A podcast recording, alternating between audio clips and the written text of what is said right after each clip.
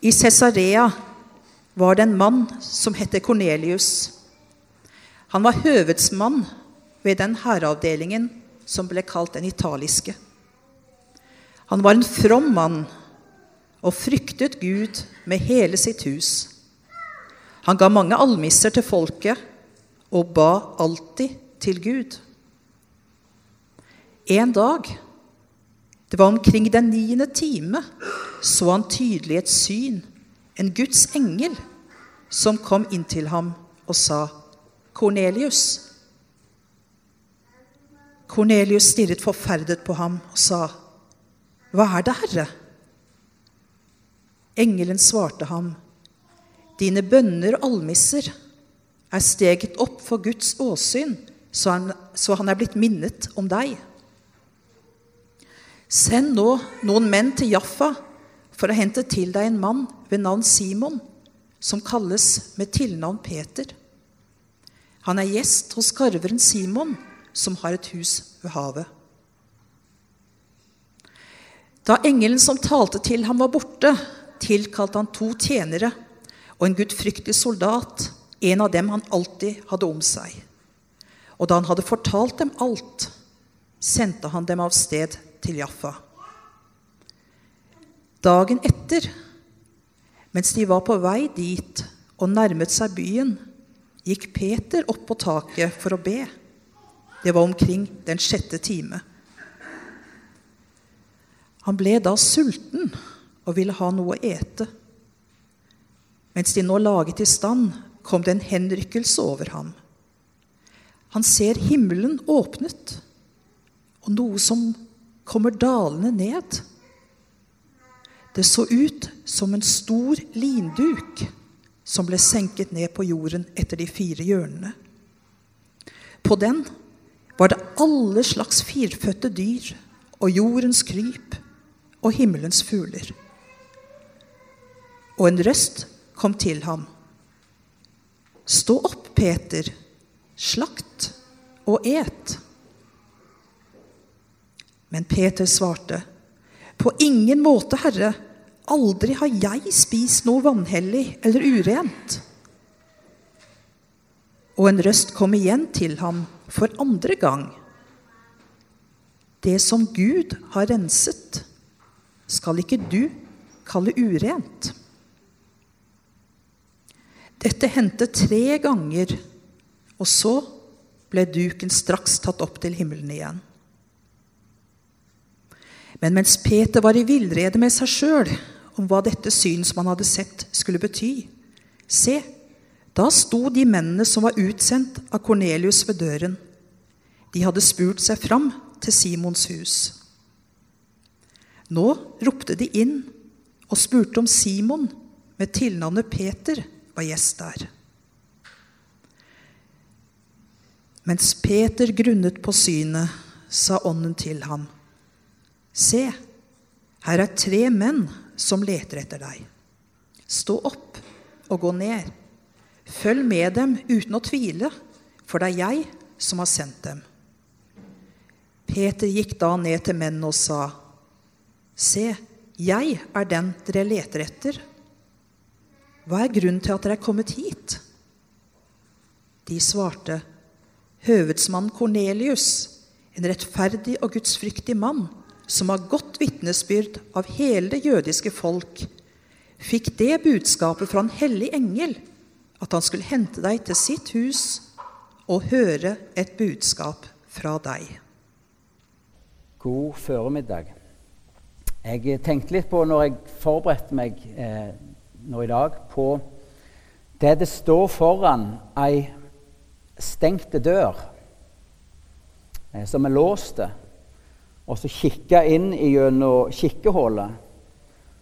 Og så se et utrolig spennende landskap, liv, noe som er på baksida av den døra. Eh, når vi nå går gjennom apostelgjerningene, så tror jeg at flere av oss kan ha den opplevelsen at vi får lov til å se inn. Inn i noe. Inn i et menighetsliv, et kristenliv, et disippelliv eh, som eh, vi gjerne ikke sjøl har helt taket på. Eh, det er som vi får glimt inn i noe, men så, så er det likevel flere som har en opplevelse av at vi står foran ei stengt dør. Når en ser for i apostelgjerning, da er det det er ikke aktiviteter, men det er Gud som handler. Gud frelser. Han omvender folk. Han reiser opp folk. Og han gjør et verk i sine som gjør at de blir stående gjennom utrolig mye som vitne for han. Eh, og jeg tror at Det kan godt være at de fleste her inne er gode unntak, men jeg tror at for mange av oss så har vi mista noen viktige nøkler for gudsrikelivet, for kristenlivet. Eh, og Sist gang så snakket Aslak om en av disse nøklene. Eh, omvendelse. Det er virkelig en nøkkel som åpner opp for Guds rike hemmeligheten. Eh, for de kristne som vi møter i eh, apostelgjerningene, så var det ikke sånn at de fikk et møte med Gud, og så fortsetter livet stort sett som før. Nei, det var et før, og det var et etter.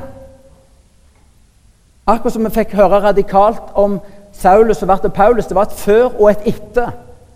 Det skjedde en ny orientering av livet, en omvendelse til Gud. Og en omvendelse vekk ifra synd. Så livet ble forandra. Omvendelsen, om du vil, åpne opp til et nytt liv. Og Det leder jo også inn til det som vi kalte en daglig omvendelse. Der vi vender oss vekk ifra synd til Gud for å gjøre Hans vilje. Og Hvis ikke denne nøkkelen, hvis ikke denne dør åpen, så er det jo så er det ikke noe liv. For Gud han har sett noen betingelser for liv i sitt rike. Om du vil, omvendelse, det er veien inn. Vend om og tro evangeliet. Gå inn gjennom den trange porten. Korset er den trange porten. Der vi kapitulerer for Gud. Vi godtar Hans dom over vår synd. Og så tar jeg imot hans rettferdighet og hans tilgivelse. Så omvendelse det er en Kunne noen forbarme seg og gitt meg et glass med vann, så var jeg glad. Omvendelse er én nøkkel. Men i dagens tekst så møter vi et ord. Og dette blir ei temapreik over et ord. Et ord som er en annen, om du vil, nøkkel for kristenlivet. Og det er gudsfrykt. Det står om Kornelius eh, at han var en gudfryktig mann. Og han møtte en annen gudfryktig mann, Peter. Og deres gudsfrykt gjorde at de overvant menneskefrykt, tradisjoner, og så møttes de. Med det resultat at et helt hus ble frelst. Fordi gudsfrykten fikk lov å bestemme kursen. Takk skal du ha.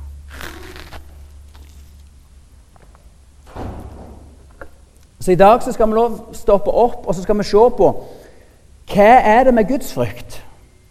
Det står om den første menighet i apostelgjerningene 2,43. Hver og en var gripen av ærefrykt. De første kristne var grepne av ærefrykt for Gud. Og I apostelgjerningene 9,31 så var det kapittel Aslak talte over, så står det menigheten levde i ærefrykt for Herren, og styrka Den hellige ande auka den mer og mer. Ærefrykt for Gud. Gud var hellig og stor midt iblant dem. Og responsen for menigheten, for disiplene, det var ærefrykt. Et liv i Guds frykt. I ordspråket 9, kapittel 9 og vers 10 så står det Frykt for Herren er opphavet til visdom, og kjenne Den hellige er forstand. Frykt for Herren er opphavet til visdom, er begynnelsen til visdom i et menneskeliv. Å kjenne Den hellige, å kjenne Gud, det er forstand. Dette verset er en parallellisme som sier den ene sannhet på to måter. Å kjenne Gud det er visdom. Å frykte Gud er visdom. Det vil si at det er en sammenheng imellom å kjenne Gud og frykte Gud. Den som kjenner den hellige Å kjenne i Bibelen det er ikke bare det å ha teoretisk kunnskap om, men det er å ha liv og fellesskap. Å kjenne Gud, det er å frykte Gud. Guds frykt går som en rød tråd gjennom Bibelen fra første Mosebok til Johannes' åpenbaring. De menneskene som lever i et nært vennskap med Gud, de samme menneskene lever i ærefrykt, i Guds frykt. I Bibelen er det sånn at nærhet til Gud det hører sammen med ærefrykt, med frykt for Gud. Og Det står i Salme 25 og vers 14.: Herren har fortrolig samfunn med dem som frykter ham. I pakten med ham får de rettledning. Hvem er det Gud har fortrolig samfunn med? Hvem er det som får rettledning, som får himmelens visdom over sine liv i pakten med Gud? Jo, det er de som frykter ham. Guds frykt åpner opp for Guds visdom i de og mi vandring, hverdagsvandring med Jesus, om du vil. I pakten med Han får vi rettledning. Abraham, Guds venn, han vandra i Guds frykt. Og om Noah står det i Hebreerne 11 at med Guds frykt så bygde Noah arken. Det syns jeg er litt interessant. For at Noah skulle fullføre å bygge arken, så var Guds frykt nødvendig. Kan vi tenke oss hvorfor? Jo, Det er ikke vanskelig å fantasere at Noah Dette brukte han jo år etter år etter år etter år på. Sin tid, sine ressurser, sin lidenskap. Og ikke bare han, men sønnene var med på dette. Kan tro Noah fikk høre dag etter dag det er galskap, dette, Noah. Kutt ut den der båtbygningen. Du øyelegger livet ditt og livet til sønnene dine. Hva skal du med en ark, en stor båt på land? Kutt ut! Men så hadde Gud talt et ord. Bygg arken. Og med Guds frykt så fullførte Noah arken. Det Gud hadde talt, betydde mer. Det vekte tyngre.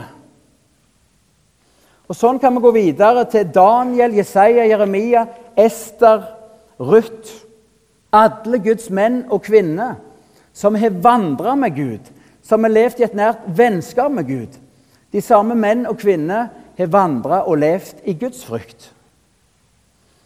Og Dette fortsetter inn i Det nye testament. Det er ikke noe som hører Det gamle testament til der Israels Gud blir kalt også for Jakobs redsel. Nei, det tilhører et nytestamentlig kristenliv. Vi er kalt til å vandre og leve i Guds frykt. Og Noen eh, bibelvers fra Nytestamentet på det er Jag etter Guds frykt. Øv deg heller i Guds frykt, og vis alltid iver for Guds frykt. 1. Timotes 6, 14 og 4, 7, og Ordspråket 23, 17. Hva er så Guds frykt? Det er det gjerne en del som sitter og tenker på. Hva er den gudsfrykten som preger Paulus sitt liv, som preger Kornelius sitt liv, og som har preget så mange menn og kvinner sitt liv gjennom historien? Jo, Da må vi begynne med å si at når et menneske blir en kristen, så blir en frelst ifra en frykt. For da er det sånn at Guds fullkomne kjærlighet den driver trellefrykten ut av hjertene våre. Den driver frykten for å bli fordømt, ikke være tilgitt, ikke være elska. Den frykten blir dreven ut når et menneske blir frelst og født på ny. Vi blir fri for dette. I plassen for trellefrykten så får vi frelsesfryd. Og Det er òg ei side med kristenlivet. Det er fryd og glede ved å være frelst. Men samtidig som vi blir frelst ifra trellefrykten, frykten for fortapelse, frykten for å bli fordømt av Guds vrede, så oppstår det en ny frykt i våre liv. Når Den hellige ånd tar bolig, når Den hellige ånd åpenbarer for oss hvem Gud er, at Gud er både hellig og kjærlig, da oppstår det en ny frykt i våre hjerter. Gudsfrykten er Den hellige ånds verk ved at han åpenbarer et sant bilde for oss og gjør Gud nærværende. Gud kommer nær til oss som den hellige og som den kjærlige. Og Det står i Jesaja 11,2.: Ånden som gir kunnskap om Herren og frykt for Han. Det er et verk av Gud, sann gudsfrykt. Det er ikke noe vi tar oss til, men det er en reaksjon på at Gud, at Jesus, blir åpenbart for oss ved sitt ord og ved Hans ånd. Jeg kan gjerne si at gudsfrykten er den hellige uroen som også skal være i et kristenliv. Den hellige uroen, redselen om du vil, i ditt og mitt hjerte for å gjøre min himmelske far imot. For å trosse han. For å stå han imot med mitt liv og med mine valg. Gi han sorg over måten jeg lever på. Det er ikke en frykt som får oss til å skjule oss for Gud, trekke oss vekk ifra Gud. Nei, motsatt så er Guds frykt det er makt og en kraft i vårt liv som får oss til å søke Gud, trenge oss på Gud, komme inn i Hans nærhet. Og Det er viktig å si det er en frykt som er født i og ut av kjærlighetsforholdet til vår himmelske Far.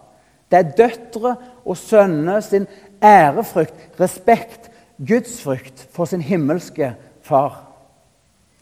For å prøve å gi et lite sånn eksempel på det Levi, den ene av guttene mine, han har mange påfunn og ideer. Og når han var liten, så likte han og det er han jo fortsatt, å ta og leke med mye forskjellig som var i huset. Og Før han hadde så mye språk, så var det gjerne sånn hvis han hadde tatt en fjernkontroll eller en potteplante eller et eller annet, og han så at jeg så. Så var det akkurat han stoppet opp i legen. Og Så vendte han seg mot meg og så holdt han fram det han hadde tatt.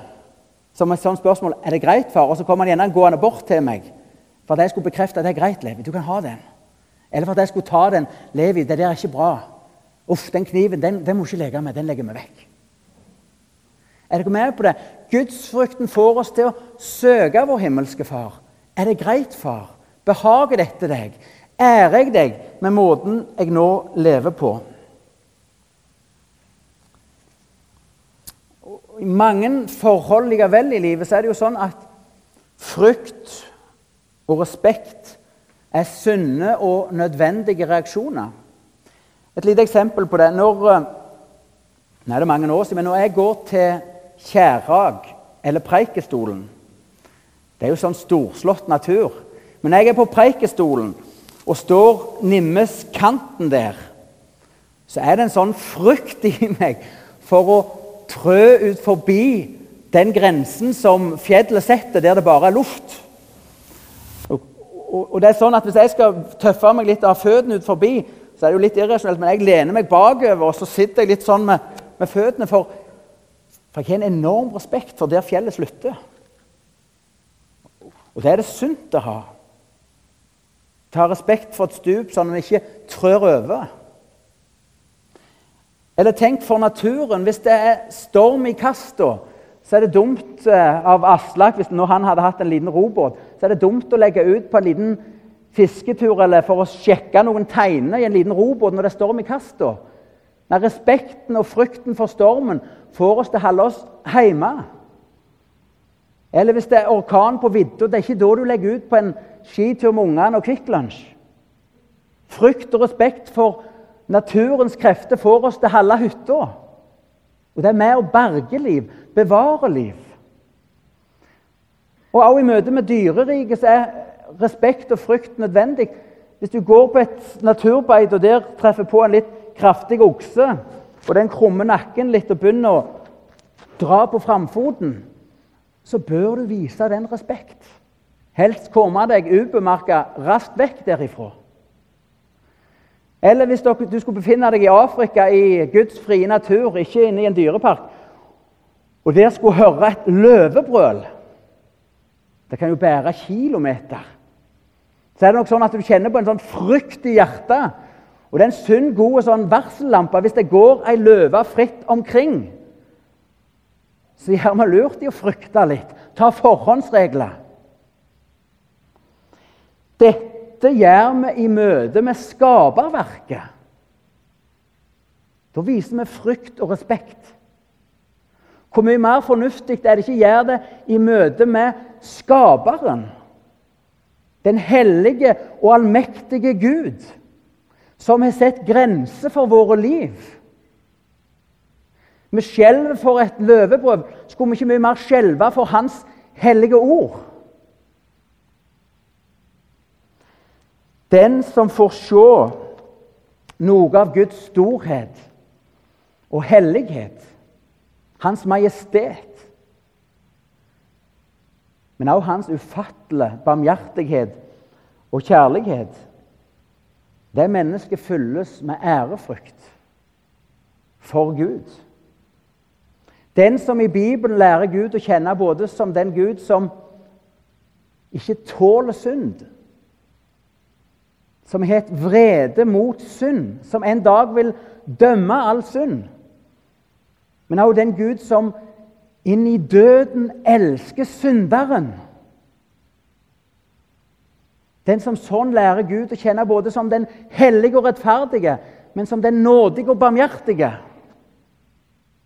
Han fylles med en ærefrykt, en gudsfrykt, for å stå Gud imot, for å gjøre Gud imot. Og Jesus snakker sjøl om denne nye frykten, som et, skal være en del av et normalt kristenliv. Jesus sier i Lukas 12, vers 4-5.: Til dere, mine venner, sier jeg, vær ikke redd for dem som slår kroppen i hæl, men siden ikke kan gjøre mer. Jeg skal vise dere hvem dere skal frykte. Frykt ham som kan slå i hæl og siden kaste i helvete. Ja, jeg sier dere, det er ham dere skal frykte. Dette sier Jesus til sine venner. Jesus vil ikke at ditt eller mitt liv skal være styrt og preget av menneskefrykt. For det sier Bibelen, den som frykter mennesket, setter ei snare for seg sjøl. Jesus vil ikke heller at vårt liv skal være styrt av frykt for den vonde, for djevelen. Men Jesus sier at det er én enn vi skal frykte. Gud den allmektige, som kan frelse inn i sin himmel, men også som kan forkaste til fortapelsen. Han og han alene skal vi frykte. Og dette sier Jesus til sine venner. Gudsfrykten hører med i vennskapet, venneforholdet til Jesus.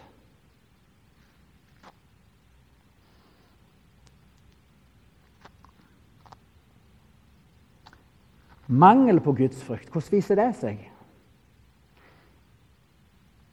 Jo, et avgjørende testpunkt er jo hvordan vi behandler Guds hellige ord, Bibelen. Og mangel på gudsfrykt i vår tid viser seg ved at Bibelen blir reven ifra hverandre. Det Gud har kalt hellig, er ikke lenger hellig. De grensene, Guds bud, som er ramme for vårt liv, de er det ikke lenger så farlig å overtrø eller sette til side. Og det viser vår mangel på gudsfrykt. Måten vi behandler og respekterer det Gud har sagt og befalt oss i sitt ord. For en skulle av og til tro at det var mer folkemeninger og tidsånder som skulle bestemme hva vi kristne skal tro. At vi er fri til å sette skaperordninger og Guds bud til side hvis de oppleves som livsbegrensende eller utgått på dato. Og Et skrikende eksempel på dette er jo vigselstriden som har herja i Den norske kirka. Hvor en fra første Mosebok til Johannes' åpenbaring så er Bibelen entydige på hva et ekteskap er. Jo, det er mellom mann og kvinne. Og Bibelen bruker de sterkeste ord den kan bruke til å avgrense mot homofilt samliv og homofile handlinger. Allikevel så føler en seg fri til å bygge om på dette. Og i kjærlighetens og Guds navn si at det går greit. Å forandre på skaperordninger, oppheve bud. At vi våger. Det står i Salme 119 vers 4 Du har gitt dine påbud for at de skal holdes nøye. Dette er opprør imot Gud og Hans ord.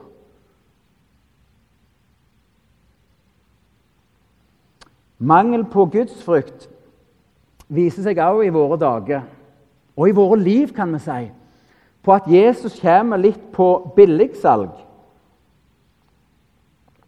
Vi, vi står i fare Når gudsfrykten mangler i våre liv, så står vi i fare for å lage oss en egen Jesus-versjon. En som vi tenker kan appellere til folk, få nye til å bli interessert. Og så kan det være mange gode hensikter og ønsker som ligger bak. Så vi kan redigere litt i Bibelen og så kan vi sette fram liksom, den gode, den snille, den milde. Den Jesus som vi tror selger best. Og så taler vi ikke lenger om eh, synd, nødvendigheten av omvendelse, den kommende dom, Guds hellighet. Det venter vi liksom litt med, og så i praksis kommer vi aldri til det. Og så frarøver vi oss sjøl og andre mennesker et sant bilde på den kjærlige og hellige Gud. Den tre ganger hellige, som vi skal frykte og elske. Hvis Jeg skulle si, jeg sikkert sagt dette, men skulle sette det på formen litt sånn karikert moderne forkynnelse i kirke og bedehus, det er sånn som dette. Kom igjen. Jesus er din venn. Begynn å tro. Det koster ikke noe. Gud er god. Så ser dere, Det, det er mye sant i dette. Men så er det ei grunnleggende side i Bibelen som er utelatt. Og En setning som over flere år har vært i meg, det er setningen 'kraftløst salt som forsøker å vinne verden med sukker'. Hvis gudsfrykten forsvinner som et kjennetegn på oss som menighet, som fokus, som enkeltmennesker, som kristne Og vi fortsatt skal prøve å leve ut misjonsbefalinga, så blir vi et kraftløst salt som forsøker å vinne verden med sukker. Vi sukrer til et budskap som er til å ta imot. En Jesus vi tror verden kan godta. Men så er vi røva for kraft, for Guds kraft. Et bibelsk eksempel på dette er jo vandringa i ørkenen, hvor eh, Israel ble frelst ut fra Egypt gjennom blod og vann. Lammet var slakta, Sivsjøen ble delt. De hadde ikke vært lenge på vandring mot det lova land. De slo leir ved Sinai-fjellet. Moses var oppe på fjellet for å få de ti bud. Og så blir folket utålmodige. Og Så går de til Aron og sier, 'Lag oss en Gud'. Lag oss en Gud. Så gir de Aron gull som han smelter, så blir gullkalven lagt.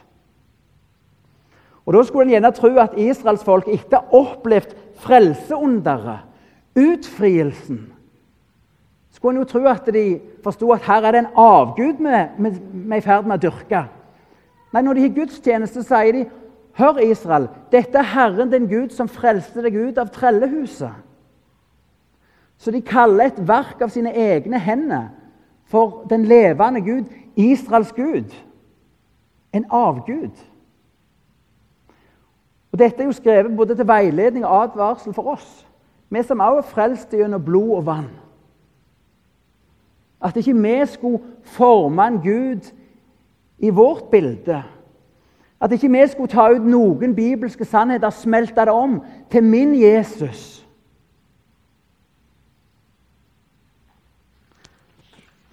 For hvis Jesus Og Jesus er vår beste venn, ikke misforstå meg. Men hvis Jesus bare er kompis og kamerat og kompanjong. Da må vi spørre oss sjøl har vi mista noe viktig på veien. Lever vi sammen med Bibelens Jesus, som er kongenes konge, som er herrenes herre? Som er sant menneske, vår bror, ja, men som er evig Gud? Som uavbrutt blir tilbedt i himmelen? Som fryktes og elskes av alle de som i sannhet har fått sitt hans hellighet og storhet. For når gudsfrykten er vekke, så får vi en kristendom uten omvendelse, sånn som Aslak snakket mye om sist. Det er ikke lenger så nøye eller så viktig. Vi kan bare ta det med ro og tro litt. Vi får en kristendom uten omvendelse, uten kors, uten oppgjør. Uten dom og to utganger på livet. Uten gudsfrykt så vil vi lage oss vårt eget gudsbilde.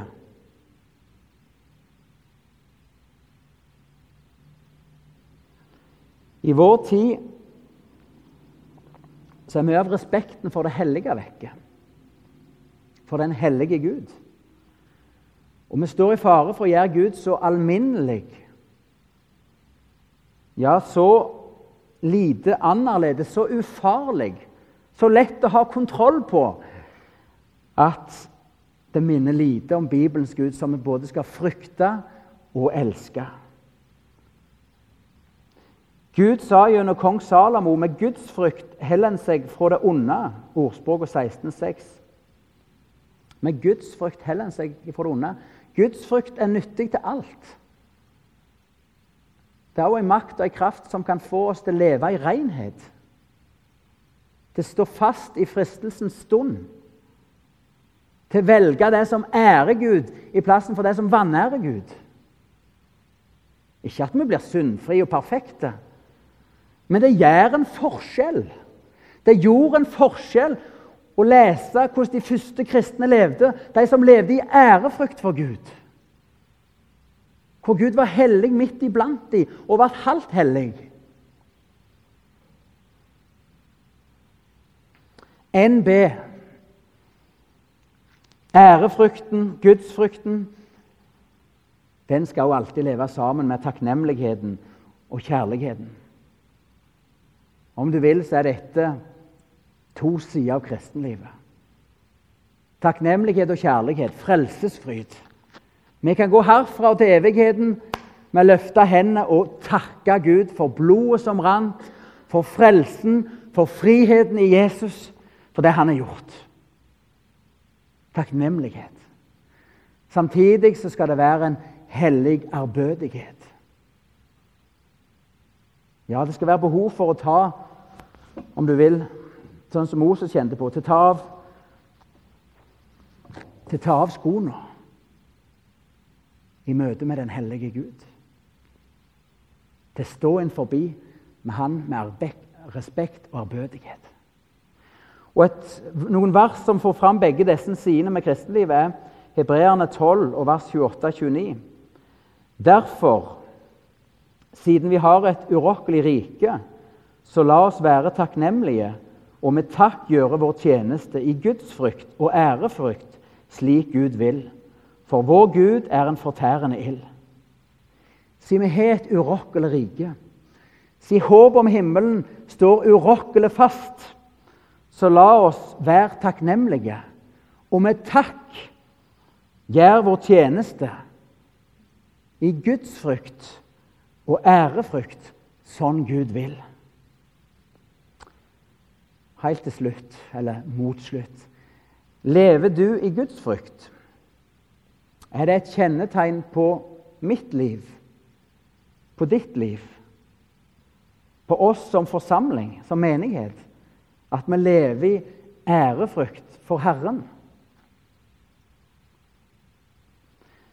Jeg er redd for at vi mange ganger tar valg, beslutninger, som vi djupest sett ikke ønsker å gjøre, som er imot vår tro og overbevisning. Fordi vi tar hensyn til hva mennesket vil og mener, og vi er redd for deres reaksjoner. Det er en reell og høyaktuell fare for oss at vi går på kompromiss med vår tro og Guds vei fordi vi vil tekkes og behage mennesket. Gudsfrykt det er en frihet Det er jo det som er unikt og fantastisk med, med sann gudsfrykt. Det er en frihet ifra all annen frykt. Når gudsfrykten får makt over våre liv, så slipper menneskefrykten taket. Ikke at det ikke er en brytning, en kamp, men når Gud gjennom gudsfrykten får makt over våre liv, så mister menneskefrykten makt. Noah fullførte og bygde arken med Guds frykt. Gud er også kalt deg og meg til å fullføre bestemte oppgaver. Han har kalt oss som menighet til å fullføre bestemte oppgaver. Hvis vi skal bygge våre arker, hvis vi ikke skal legge hammeren vekk og ja, ja, vi gjør heller sånn, eller liksom sno oss fram Hvis vi skal bli stående gjennom de stormene som vil komme Hvis vi skal stå fast på Guds ord når verden vil ta det ifra oss Så er vi så avhengige av at vi står og lever i Guds frykt. For ellers vil vi legge hammeren vekk. Ellers blir ikke arkene våre fullført. Eh, gudsfrykt skaper ikke kuer. Vi tenker gjerne sånn at gudsfrykt er liksom til å bli litt sånn nervøs. og Slettest ikke. Gudsfrykt skaper ikke kua og redde menn og kvinner.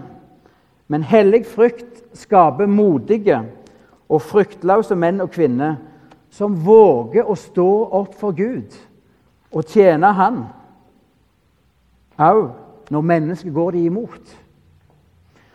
Om Jesus så står det at han hadde sin glede i frykten for Herren.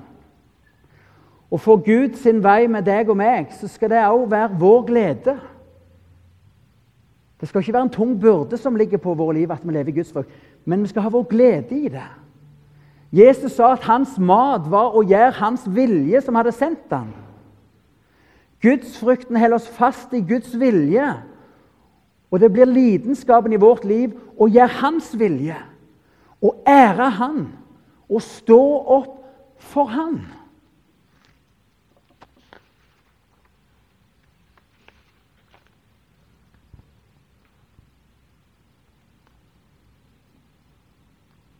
Det står i Jesaja 33, 6.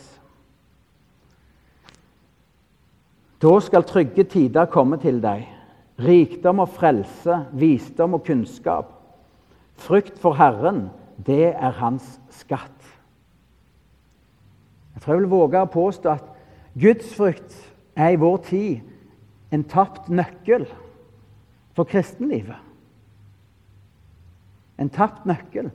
Og da kan vi ha det samme med omvendelse. Da kan vi ha så mye seminar og konferanser og lesekvelder og lovsangskvelder og aktiviteter. Men det kommer så forsvinnende lite ut av det.